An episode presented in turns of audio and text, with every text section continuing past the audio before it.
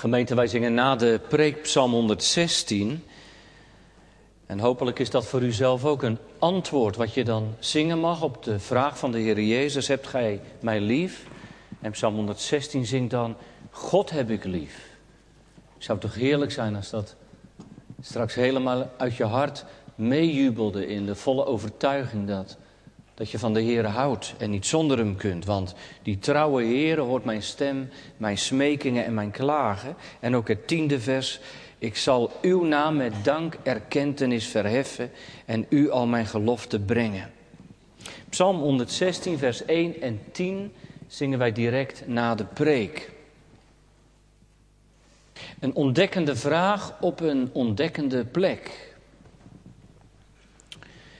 Gemeente, jongens en meisjes, we waren verhuisd.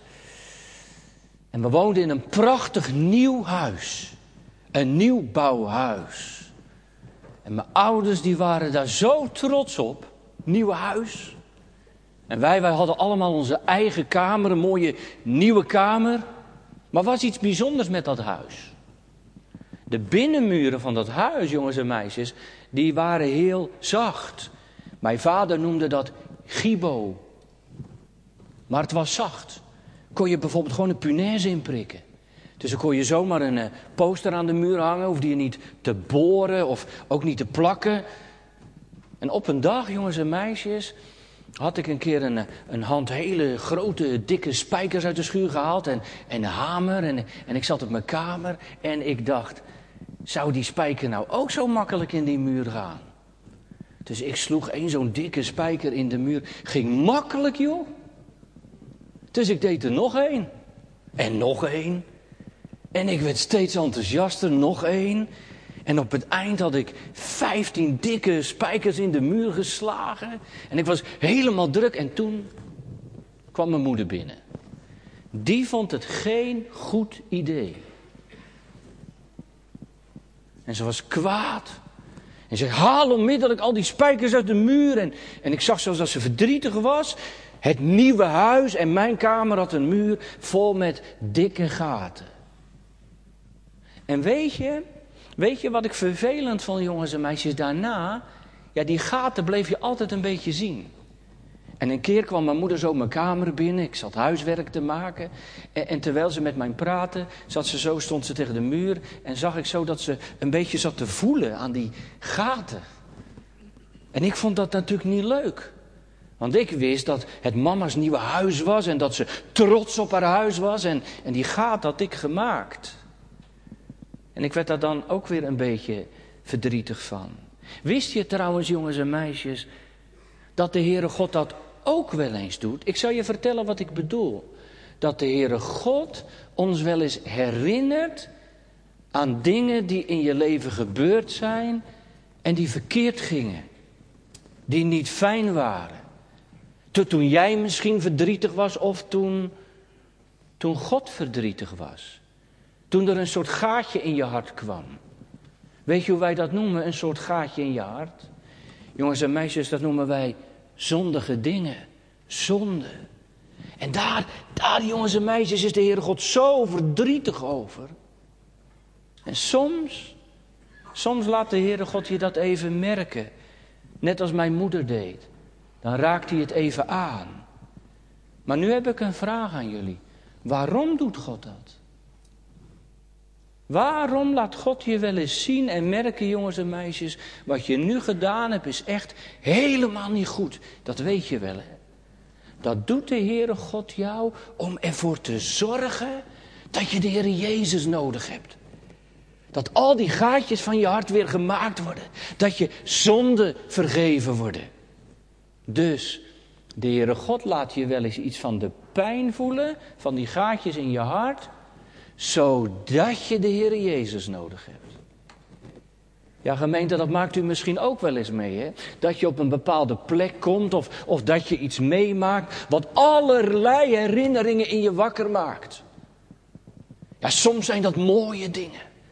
Waar je aan denkt met een glimlach en met dankbaarheid. En, en je hart stroomt opnieuw over van het prachtige, het zegenrijke dat, dat God je gaf. Tel je zegeningen één voor één. Maar ja, het zijn ook wel eens momenten in je leven die pijn hebben gedaan. Je denkt daaraan terug en tranen springen opnieuw je in de ogen. Dat kan, hè? Herinneringen die pijn doen. Vandaag, gemeente, gebeurt er iets soortgelijks. We worden meegenomen naar de zee van Tiberias en vinden daar met name ook Petrus. Samen met een aantal andere discipelen op het strand en aan het strand, ook wel de zee van Galilea genoemd. En, en even daarvoor is een geweldig wonder gebeurd. Onvoorstelbaar. Na een hele nacht gevist te hebben, geploeterd te hebben en niks gevangen te hebben. En gemeente, wat is dat frustrerend, hè? Als je je ergens voor inzet en je trekt de netten van eh, het werk door je levenszee heen en, en er zit op het eind niks in. Maar op aangeven van Jezus hadden ze het over een andere boeg gegooid. En wat een wonder. Een net dat nog nooit zo vol gezeten. Een overvloed aan vissen. En, en het had ze de ogen geopend. Het is de Heere, had Johannes geroepen. En nu de vis aan land is gebracht en ze gegeten hebben, zitten ze daar nog een momentje stil op het strand. En, en gemeente, je vraagt je even af. Hoe heeft Petrus daar nou gezeten? Nadrukkelijk vertelt het Johannesevangelie dat de Heer Jezus op dat strand een kolenvuur heeft aangelegd. En gemeente, dat is meer opvallend dan u denkt. Er is namelijk één andere plek in de Bijbel waar de beschrijving van het kolenvuur precies hetzelfde is. Weet u waar? In de zaal van Caiaphas. In de zaal van Caiaphas, waar Petrus zich nog maar enkele weken geleden warmde aan het vuur. Alles wijst erop, gemeente, dat de Heer Jezus hier op dat strand bij Galilea Petrus herinneren wil. Toen hij was bij dat andere kolenvuur. Toen hij met vloeken en zweer had gezegd: Ik ken hem niet. En nu, op dat stille strand van Galilea, gaat de Heer Jezus Petrus opnieuw bevragen naar het kennen, naar het liefhebben van zijn meester. En moet Petrus opnieuw driemaal antwoorden. Herinneringen die pijn doen. Gemeente, dat soort dingen, dat doet de Heer soms nog. Doet Hij ook in uw leven en in mijn leven. Dat, dan brengt Hij je net als Petrus terug naar momenten waar het er in je leven tussen u en de Heer omspande. Nee, nee, nee, jongelui, bij God is niet Gebeurd is gebeurd, zand erover. We moeten het verleden achter ons laten en weer vooruitkijken. Nee, nee, gemeente jongelui, zo goedkoop zijn zijn liefde en genade niet. En daarom neemt hij je soms even mee terug naar eerder. Naar vroeger, misschien ook wel bij u en, en bij jou en, en bij mij. Misschien, misschien vanmorgen wel. En zegt hij tegen u, en jou? Ga, ga eens mee terug naar, naar dat e-, ene moment in je leven. weet je het nog?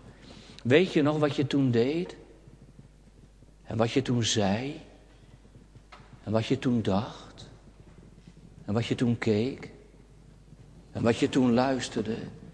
Weet je het nog? Toen niemand anders jou zag, maar ik jou wel zag. Nee, gemeente, de Heere God praat daar niet overheen. Maar hij spreekt daar u op aan.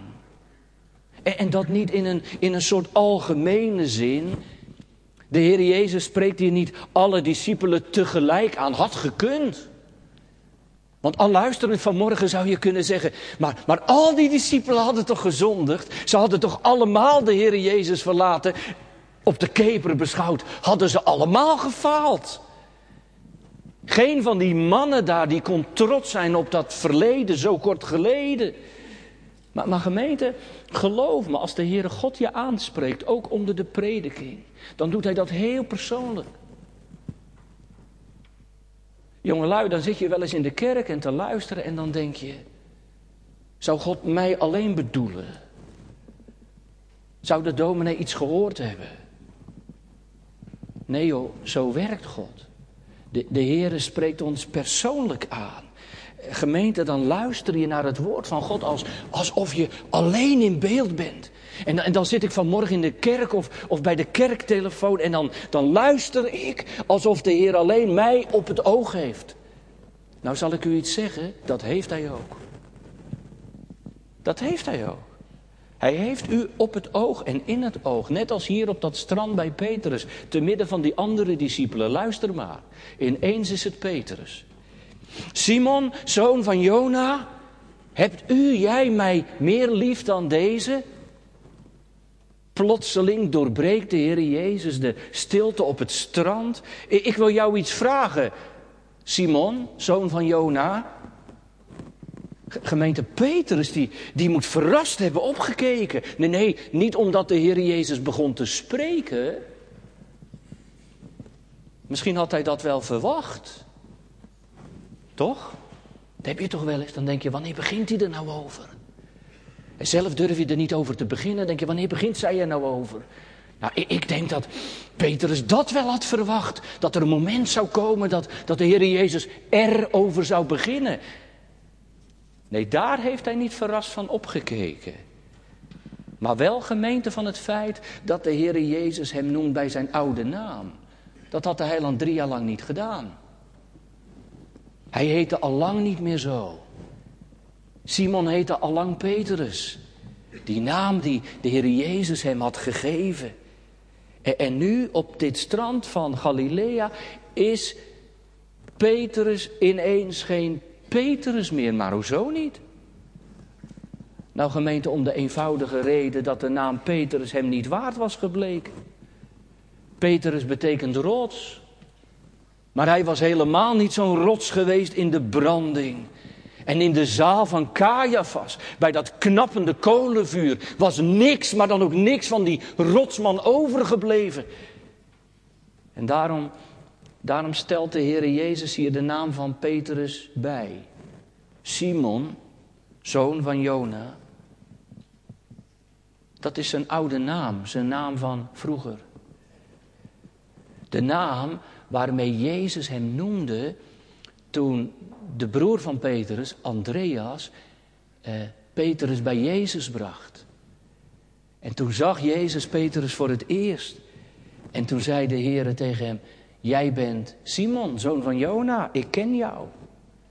Dat was uit die tijd voordat Gods genade in Petrus' leven kwam. Weet u wat de Heer Jezus hier doet, gemeente? Hij herinnert Petrus aan zijn afkomst, aan vroeger. Wat hij van geboorte is, van huis uit. In zonde ontvangen en geboren heet dat. Gemeente, als, als de Heere God je aanspreekt in zijn liefde, dan is hij soms zo eerlijk. Dan, dan noemt hij mij bij mijn naam, bij mijn afkomst. Mensenkind, zondaar, zondares, broos en, en wankelend mensje uit het stof. En, en daar sta je dan voor, voor hem en, en je hebt er niets, niets tegen in te brengen. Ook vanmorgen niet. God spreekt je aan alsof er niks is gebeurd in je leven. Alsof je geen beleidenis van je geloof deed. Alsof je nooit naar het heilige avondmaal gaat. Alsof je nooit door genade een nieuwe naam hebt gekregen. En dat gemeente om je te ontdekken aan wie je werkelijk bent. Nee, dat deed hij bij Petrus niet om te plagen. Weet u waarom hij dat deed? Omdat Petrus zelf door zijn ontkenning dat hij Jezus kende, omdat Petrus zelf had gedaan alsof er niks met hem gebeurd was. Toch? En gemeente, wat, wat zijn we soms hetzelfde? Wat, wat gooien we Gods genade soms gemakkelijk weg? Aan de ene kant mag je weten van die hoge en, en heerlijke woorden die, die de Heere God in je leven spreekt. Ik hoop dat u dat vanmorgen beaamt. Ik hoop, jongelui, dat je dat ook hebt. Dat als je hoort van het evangelie, dat je bij jezelf denkt, het gaat ergens over. Je zult maar in de kerk zijn vanmorgen. Jongelui, hier hoor je iets wat je buiten niet hoort. Hier gaat het over Jezus, over vergeving, over genade, over eeuwig leven, over hemel, over hel. Hier gaat het over de dingen die ertoe doen. En misschien ben je er wel door geraakt. Weet je er iets van? Je, en, je bent gedoopt. En je hebt misschien wat beleidenis gedaan en, en aan het avondmaal geweest. En, en u heeft uw kinderen ten doop gehouden. Misschien bent u uw leven lang al in de kerk. En onderwijl in je leven van die momenten, ik ken hem niet. Ik ken hem niet. Toen, toen, er het op, toen het erop aankwam in je leven. Toen er keuzes werden gevraagd in je geloof. Toen het erop aankwam in uw leven wie de Heer werkelijk voor u is. Op dat keuzemoment. Op dat kantelpunt. Toen het erom spande. Toen je samen was met je vrienden. Of toen je in je familie was en er een getuigenis nodig was. Of toen je ziek werd en er om vertrouwen werd gevraagd. Of toen je een keus moest maken. En ineens leek het er allemaal niet meer te zijn. Ik ken hem niet. En, niemand zag het aan je wie je echt bent. En niemand merkt het aan je dat je elke week in de Maranatenkerk zit te luisteren naar de prachtigste preek en de schitterendste psalmen zingt. Niemand merkt het. Het was alsof er nooit iets met je gebeurd was. Alsof je nooit aan het avondmaal gezeten had. Net als bij Petrus op dat geëigende moment, gemeente, ons, ons leven is zo vaak een ontkenning van zijn naam. Nee, niet hier, hier is het makkelijk, jongelui. Ook voor de dominee. Ik vind het makkelijk hier. We zijn het in het algemeen wel met elkaar eens. En we openen het woord en we zingen gezamenlijk. Maar hier buiten, als het er in mijn leven op aankomt. Als me van mijn hart gevraagd wordt of het echt als een veranderd mens wil reageren en leven. Mijn leven is zo vaak een ontkenning van zijn naam. En wordt zo vaak in beslag genomen door de dingen van zonde en wereld. En dan zegt de Heer vanmorgen tegen u en mij, kunnen we praten? Kom eens even bij dat kolenvuurtje zitten, dat kolenvuur van de herinnering. En spreek er mij plotseling aan bij mijn oude naam. Kind van Adam, mensenkind, zondaar. En wat hij dan weten wil? Nou, nou gemeente, hij wil weten hoe het nou zit met uw liefde voor hem. De Heer vraagt vanmorgen naar de liefde van een mens voor hem de Almachtige. Ja, die vraag gemeente, die vraag wordt in onze postmoderne samenleving vaak omgekeerd. Toch? Vragen wij het aan God. Is God wel een God van liefde? En uh, als God een God van liefde is, dan. En, en als God liefde is, waarom moet ik dan zoveel lijden? Daar gaat het vanmorgen niet over. De Heere Jezus draait de rollen om. Hij vraagt aan u liefde. En daar heeft hij recht op. God vraagt naar liefde. Simon, mensenkind, zoon van Adam, heb je me lief? Geef je om mij? Ben ik je alles waard? Wat een vraag, gemeente. Nee, nee jongelui, dit is niet zo'n makkelijke vraag. Dit is niet zo'n vraag van iemand stelt mij de vraag: heb je Jezus lief? En ik koop een t-shirt, I love Jesus. Dit is wel een andersoortige vraag. Want, want Jezus heeft alle reden om met Petrus af te rekenen. Om hem helemaal geen vraag meer te stellen. Kijk, kijk gemeente, als mensen van elkaar houden, je helemaal gek bent op je vriend of vriendin of, of een geweldig huwelijk mag hebben, dan vraag je wel eens aan elkaar. Ik doe dat wel eens. Dan vraag ik aan, aan Geertje, hou je nog van me? Maar ik uh, twijfel er geen seconde aan. Maar ik wil het wel even weten. Ik wil het horen. Dat gaat zo hè, in de liefde. Maar, maar deze vraag van Jezus is niet een vraag van, ik wil het nog een keertje horen. Petrus is verschrikkelijk tekortgeschoten. Met vloeken en met zweren heeft hij gezegd: Ik ken hem niet. Ik, ik heb die man nooit gezien. Hij is een volstrekte vreemde. En terwijl de Heer moet lijden en terwijl het kruis er aankomt en terwijl hij zich omkeert en naar Petrus kijkt, heeft Petrus gedaan alsof hij hem niet kende. Ik ken de mens niet. Erg hè? Jongens en meisjes, dat is eigenlijk erg hè, wat Petrus deed. Kijk, stel je nou voor hè, jongens en meisjes. Dat jij van mama, jouw moeder, die altijd voor je zorgt. Die er altijd voor je is. Die nooit kwaad blijft. Toch? Dat zo zijn moeders hè. Soms doe je echt hele domme dingen, heel stom. En moeders blijven nooit kwaad. En moeders blijven altijd voor je zorgen. En uiteindelijk geven ze je altijd weer een kus. Stel je voor dat jij zegt, omdat jij je voor je moeder schaamt op een dag en ze komt voorbij en je denkt, nou ja, nou schaam ik me voor moeder. Ze, ziet er niet uit. En, en je vrienden zeggen, is dat jouw moeder? Je zegt, ik ken die vrouw niet, ik heb haar nog nooit gezien. Nooit. Ik vind haar net zo stom als jullie ook allemaal vinden. Dat zou toch verschrikkelijk zijn. Stel je voor, jongens en meisjes, dat, dat mama dat hoort. Dat jij dat hebt gezegd van haar. Stel je voor, jongens en meisjes, dat God het hoort. Dat jij zo hebt geleefd en zo hebt gedaan en zo hebt gepraat en zo hebt gekeken alsof God helemaal niet bestaat. En God zat naar jou te kijken en dacht, wat gebeurt daar nou? Je begrijpt toch wel dat de Heer Jezus verdrietig was op Petrus. En, dat de Heer Jezus zo graag wilde dat dat weer goed kwam, wil God met ons ook. En daarom, gemeente, komt de Heer Jezus met die vraag naar Petrus: Hebt gij mij lief? Ja, zegt u, wacht even. Eigenlijk is het wel een aparte vraag, want dat wist de Heer Jezus toch al? Is dat nou wel echt nodig dat hij hem weer bij zijn oude naam noemt en weer herinnert aan die verloochening?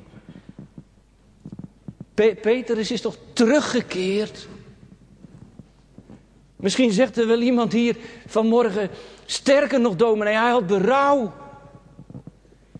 Hij was echt in de schuld gekomen toen de Heer hem had aangezien.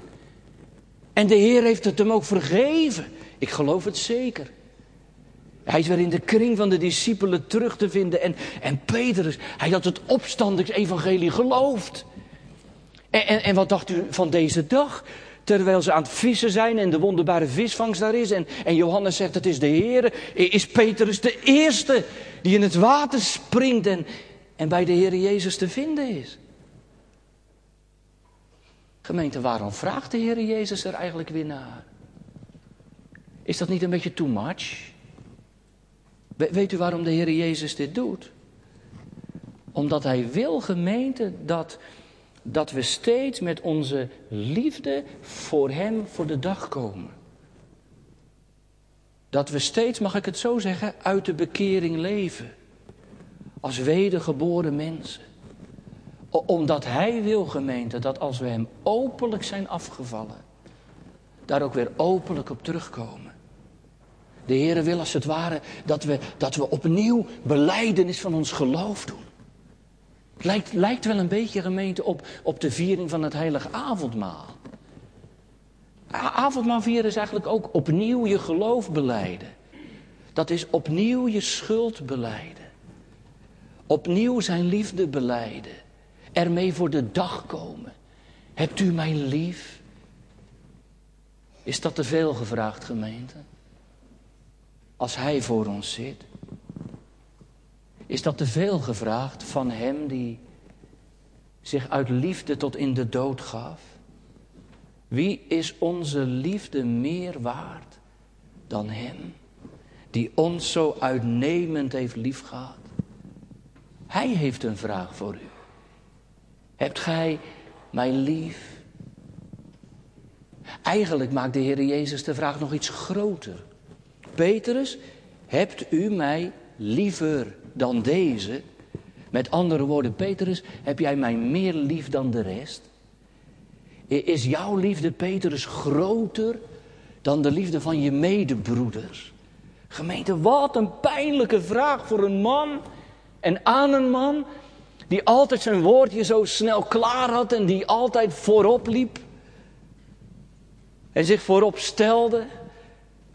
Neem vlak voor het lijden, vlak voor het lijden van de Heer Jezus had hij nog tegen de heiland gezegd, al, al werden zij alle aan u geërgerd, ik zal nooit aan u geërgerd worden. Ja, u kunt vanmorgen denken, of jij kunt vanmorgen denken, dominee, ik ben een stuk bescheidener, dat zou ik nooit zo zeggen.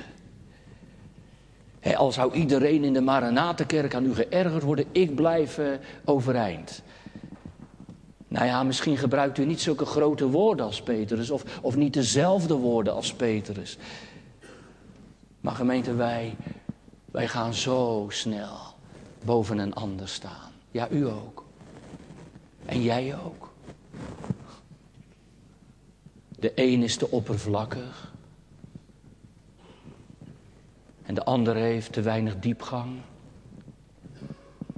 Maar bij de derde gaat het weer veel te diep. En de ene die heeft veel te weinig kennis. En bij die ander gaat het wel erg makkelijk. Maar zij is veel te zwaar op de hand. En de ene is te wit. En de ander is te zwart. En de derde is te grijs. En ik, ik ben natuurlijk niet zo. Anders zou ik het er niet over hebben. Ik ben anders. Nee, dat zeg ik niet hardop. Maar zo doe ik wel. Gemeente, dat zit zo diep in een mens. Dat zit in u en mij. Hoogmoed. Jezelf op de been houden.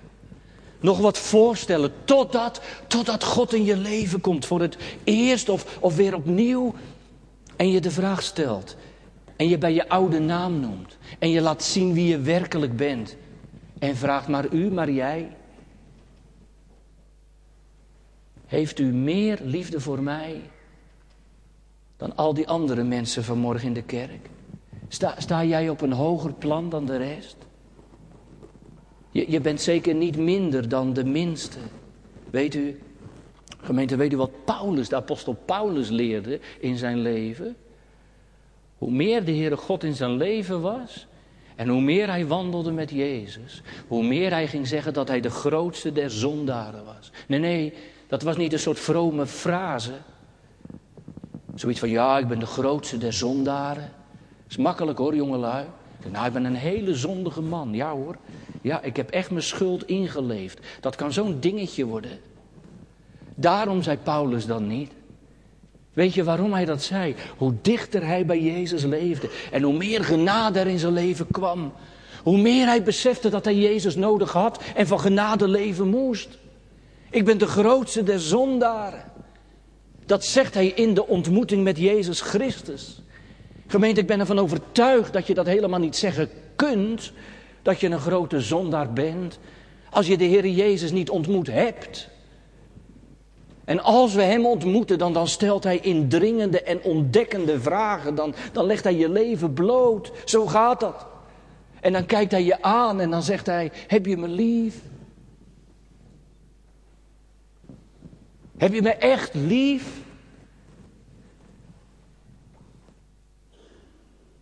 Peter is, je hebt me driemaal verlogend. Ik ga het je drie keer vragen. Heb je me lief? En driemaal gemeente moet Petrus opnieuw antwoorden. Kijk, je kunt vanmorgen wel zeggen, als ik aan u vraag, hebt u hem lief? Zegt u, ja, ik heb de Heer lief. Vraag ik het nog een keer aan u, hebt u hem echt lief? Ja, natuurlijk, ik heb hem lief. Kunt u een beetje voorstellen, gemeente, hoe, hoe benauwd je het ervan kunt krijgen? Stel je voor dat je vrouw drie keer aan je vraagt straks. Je loopt naar buiten, hou je trouwens nog van me? Dan lach je wat terug en zegt, natuurlijk schat ik, ik ben gek op je. En dan zit je in de auto en dan zegt ze: Hé, hey, maar hou je nog echt van me? Nou, dan denk je: Nou, wat is dat nou voor een gekke vraag? En vlak voordat je thuis bent en de auto parkeert, zegt ze: Toch nog een keer. Hou je van me? Nou, als dat mij zou overkomen, zou een huilen uitbarsten.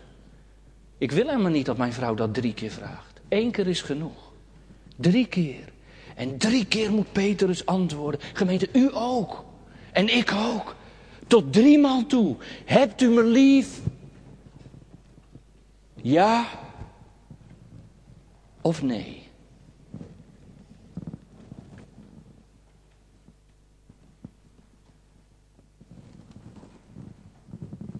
En de Heer stelt geen open vragen. Geen open vragen waar je alle kanten nog mee op kunt. Maar het is ja of nee. Het is eeuwig wel of eeuwig wee. Het is hemel of hel. Je bent er of wel of niet. Nee jongens, je bent er niet bijna wel. Als je bijna wel de trein haalt, dan heb je hem gemist. Dan ben je er helemaal niet. Het gaat om ja of ja. En anders is het nee. Wie de liefde heeft, zegt de schrift, wie de liefde tot God heeft, die heeft God. En wie de liefde niet heeft, die heeft God niet. Is de liefde er niet, zegt Paulus in de Korinthebrief dan, dan ben ik niets. Liefdeloos is goddeloos. Hebt u me lief? En jij? Wat een vraag, gemeente. Een vraag die veel dieper gaat dan je denkt. Hebt u mij lief? En, dan zegt u, en Petrus, komt hij daar dan uit? Het ligt er wel heel dik op, zegt u, dat, dat Jezus hem herinnert aan zijn verloochening. Nou en of. En, en het heeft door hem heen gestormd. Gaat u er maar vanuit. Wat, wat moet hij nu en wat kan hij nu? Gemeente, als je een beetje in, in Petrus probeert in te leven. En die verloochening was nog maar een paar weken terug. Als je een beetje Petrus probeert in te leven, dan denk je, eh, dan denk je nou ja, ik zou opstaan en, en huilend weglopen. Want wat heb ik nou eigenlijk voorgesteld? En hoe heb ik eigenlijk gereageerd op, op zoveel liefde voor hem? Voor hem zit de vlees geworden liefde, zijn Jezus. Gemeente, kijkt u zo mee en laat u het zo op u inwerken. De vraagsteller is louter liefde. Naar de aarde gekomen uit liefde voor zondaren. En zijn, zijn leven was liefde. En zijn sterven was liefde. En zijn opstanding was liefde. En, en Jezus zegt, niemand heeft meerder liefde dan deze. Dan wie zijn leven zet voor zijn vrienden. En hij deed het. En dat had hij in praktijk gebracht. En zijn liefde had zich geopenbaard in een weg van bloed, zweet en tranen. En het zet zich voort in de hemel, waar hij bidt voor zondaren. Hebt u mij lief? Jij die mij verlogende, u die mij vaak hebt laten roepen als een roepende in de woestijn.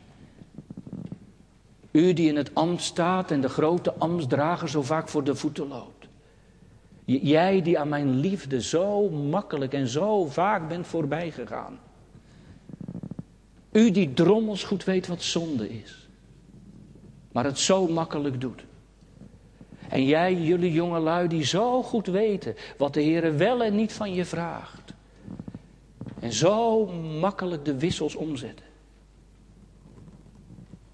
Die Jezus vraagt aan jou, heb je me lief? Nou, nou, als je een beetje probeert in te denken hoe Petrus daar dan mee om zou gaan, of u zelf of jij, je zou opstaan en huilend weglopen toch? Als je op jezelf zou zien. Maar dat doet Petrus niet. Hij staat niet op, hij loopt niet huilend weg, maar, maar hij buigt onder de woorden van de Heer Jezus. En, en hij zegt, ja Heer. Ik denk altijd bij dit gedeelte, hij zegt ja omdat hij geen nee kan zeggen. Ja Heer, u weet dat ik u lief heb. Nee, dat Jezus hem Simon noemt, dat laat hij zo. En dat Jezus zei, zegt Simon, heb je mij meer lief dan de rest? Dat laat hij ook zo. Over de liefde van anderen heeft hij leren zwijgen. Maar hij zegt alleen maar, u weet dat ik u lief heb. Nee, hij zegt niet, hij zegt niet, ja, ik heb u lief. Hij zegt, Heere, u weet dat ik u lief heb. Ik weet eigenlijk niet zoveel meer. En ik ben met al mijn weten vastgelopen. En, ik dacht dat ik het allemaal wist. En ik dacht dat ik u zo kon liefhebben en kon volgen. Maar, maar het is fout gelopen in mijn leven. Er is een einde aan mijn weten gekomen. Maar, maar u weet. U weet dat ik u niet missen kan. Jonge luiden vroeg een keer iemand aan mij. Toen het over bekering ging en, en hoe je nou kind van God bent. Dat zijn best hele dingen. Vroeg iemand een keer aan mij: Dominee, bent u bekeerd? Ik zei nee. Ik zei niet nee omdat ik niet wist van het werk van God in mijn leven, maar ik dacht, ja, Hij weet, God weet dat Hij mij veranderd heeft. En dat weet ik. Hij weet dat ik Hem lief heb. Je, je legt het als het ware bij God neer. Dat, dat is wat hier gebeurt, gemeente. Dan is al het, al het redeneren is voorbij. Bij Peter is dus al het geredeneer uit het verleden weg. Hij is ermee vastgelopen. En als de Heer hier naar zijn liefde voor hem vraagt, dan kan hij niks anders zeggen dan: U weet het. U weet dat ik u lief heb. Heer, u weet dat ondanks alles ik u niet missen kan. En gemeente, zou u dan, zou u dan nee kunnen zeggen? En jij? Goed luisteren naar de vraag hoor. De, de Heer Jezus vraagt hier niet. Heb je genoeg kennis, Petrus? En hij vraagt ook niet. Maar Petrus, weet je wel echt dat je uitverkoren bent? Want er is nog wel wat gebeurd. En Jezus vraagt ook niet. Zeg Petrus, heb je je schuld wel genoeg ingeleefd? Ben je wel echt bekeerd? Nog een andere vraag. Heb je wel oprecht gebeden? Deugt je geloof wel? Petrus, mag ik er nog een keer op terugkomen? Heb je wel echt voor mij gekozen? Gemeente, met dat soort vragen kunnen we zo vastlopen. En als de Heer je ontdekt aan wie je bent, dan, dan lijkt het je als zand tussen de vingers weg te lopen. Maar de Heer stelt een hele andere vraag. Hebt u mij lief? Heb jij mij lief?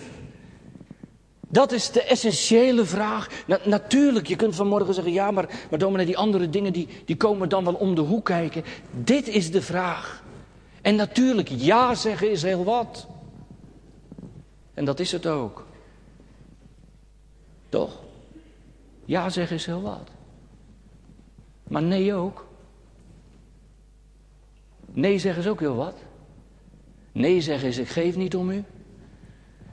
Nee, nee zeggen is uw lijden en uw sterven. Dit is allemaal wel heel intens geweest, maar, maar ik heb dat toch niet zo te pakken nog. Het is nog niet echt aangekomen. En al zo lief heeft God de wereld gehad dat hij zijn enige geboren zoon gegeven heeft. Het gaat een beetje over mijn hoofd heen. En dat kruis, dat staat opgericht met een smekende heiland, die als het ware neerknielt aan je voeten en zegt, mijn zoon, mijn dochter, geef mij je hart. Zie je het niet echt zitten? Doet me niks, heb je me lief? Nee. Ik ga straks weer naar huis. Ik ben hier wel in de Maranat, ik ga straks weer naar huis en ik ga toch mijn oude leven weer oppikken. Komt dat er nou echt zo makkelijk uit? Ik hoop het niet. Gemeente jongelui, als je nou niet verder komt dan een nee, hè? laat het je dan brengen bij hem. Toen tegen hem de hele wereld nee zei. Zei hij ja. Toen de hele wereld tegen hem zei: Wij moeten u niet zei hij tegen jou, maar ik moet jou wel. Dat is Christus. Hij zegt ja. Petrus kan daarom niet anders dan op de vraag van de Heer Jezus zeggen: Ja, u weet het, Heer, ik, ik heb u lief. Dit is heel opvallend, gemeente, tot slot, dat, dat die woordjes lief hebben nogal verschillen. Petrus geeft een ander woord voor liefde dan Jezus. Jezus gebruikt het woord agape in het Grieks. Dat is de zichzelf gevende, opofferende, totale liefde, zichzelf wegcijferende liefde. Maar Petrus gebruikt een ander woordje voor liefde. Niet het woordje agape, maar het woord philo. Dat zit in het woord filosofie. Het is een iets zwakkere vorm van liefde. Een liefde die iets meer zegt, ik heb genegenheid voor u. Ik, ik voel me aan u verbonden, philo.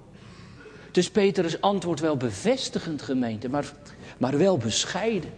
Mag, mag ik het zo zeggen? Hij zingt een toontje lager. Dat heeft hij wel geleerd. Het is wel mooi dat in de HSV kunnen we dat tegenwoordig terugzien in de vertaling. Hebt u mij lief? Ja, ik houd van u. En dat weet u. En Petrus antwoordt drie keer met datzelfde woordje philo.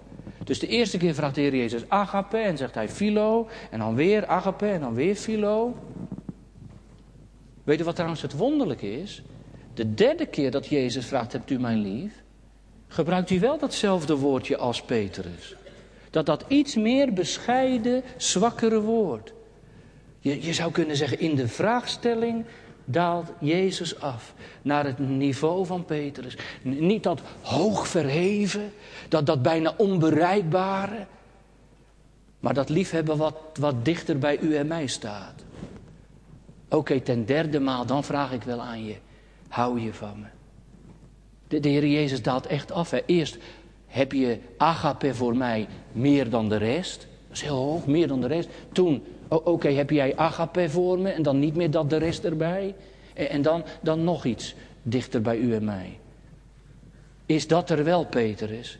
Dat echte liefde, dat diepe, bescheiden liefhebben van mijn naam. Ik kan wel begrijpen dat Petrus er verdrietig van wordt. Ten eerste omdat Jezus het voor de derde keer vraagt. O, rekent u erop dat hij het gevoeld heeft waar Jezus naartoe wilde. Maar ik denk ook dat Petrus wat verdrietig werd. Omdat Jezus het steeds kleiner maakte. Bescheidener werd. Maar het mooiste is gemeente dat hij niet te raden gaat bij zichzelf. Dat had gekund. Hè. Hij had te raden kunnen gaan bij zichzelf. En, en hij had kunnen zeggen tegen de Heer Jezus: maar, maar u weet toch dat ik dit wel heb, al heb ik dat niet. Hij legt het bij de Heer neer. U weet alle dingen. U hebt het gedaan. Heere, u kent mij en u doorgrondt mij. En u weet dat ik zonder u niet verder kan. En daarom zeg ik, u weet alle dingen. Weet u wat Petrus doet? Hij vertrouwt zich helemaal toe aan de heiland. Bij hem is hij veilig. En is dat nou ook uw antwoord en terwijl je zit aan de voeten van Jezus. Want onder de verkondiging van het woord, gemeente, ben je zo dicht bij Hem. En, dat, u, dat u niet anders dan onder tranen hetzelfde kunt zeggen als Petrus. Heere, u weet alle dingen. U weet dat ik u lief heb. En ik heb geen grote woorden meer. En ik weet het ook eigenlijk allemaal niet meer zo precies. En ik ben zo gestruikeld in mijn leven en er is zoveel gebeurd, heren. U weet het allemaal, maar u weet ook dat ik u lief heb. Ja, dan doen de herinneringen aan het verleden doen je soms pijn, gemeente. Maar God brengt je soms even in die klem, bij dat vuurtje van de herinnering. Waarom? Nou, om je tot die heerlijke beleidenis te brengen. Ik heb u lief. Omdat u mij eerst hebt lief gehad. Heer, ik, ik wil uw liefde loven. Al begrijpt mijn ziel u niet. Beste broeder, beste zuster. Beste jongeren. Jongens en meisjes. De Heer heeft vanmorgen een eenvoudige vraag voor u. Hebt u mij lief? Amen.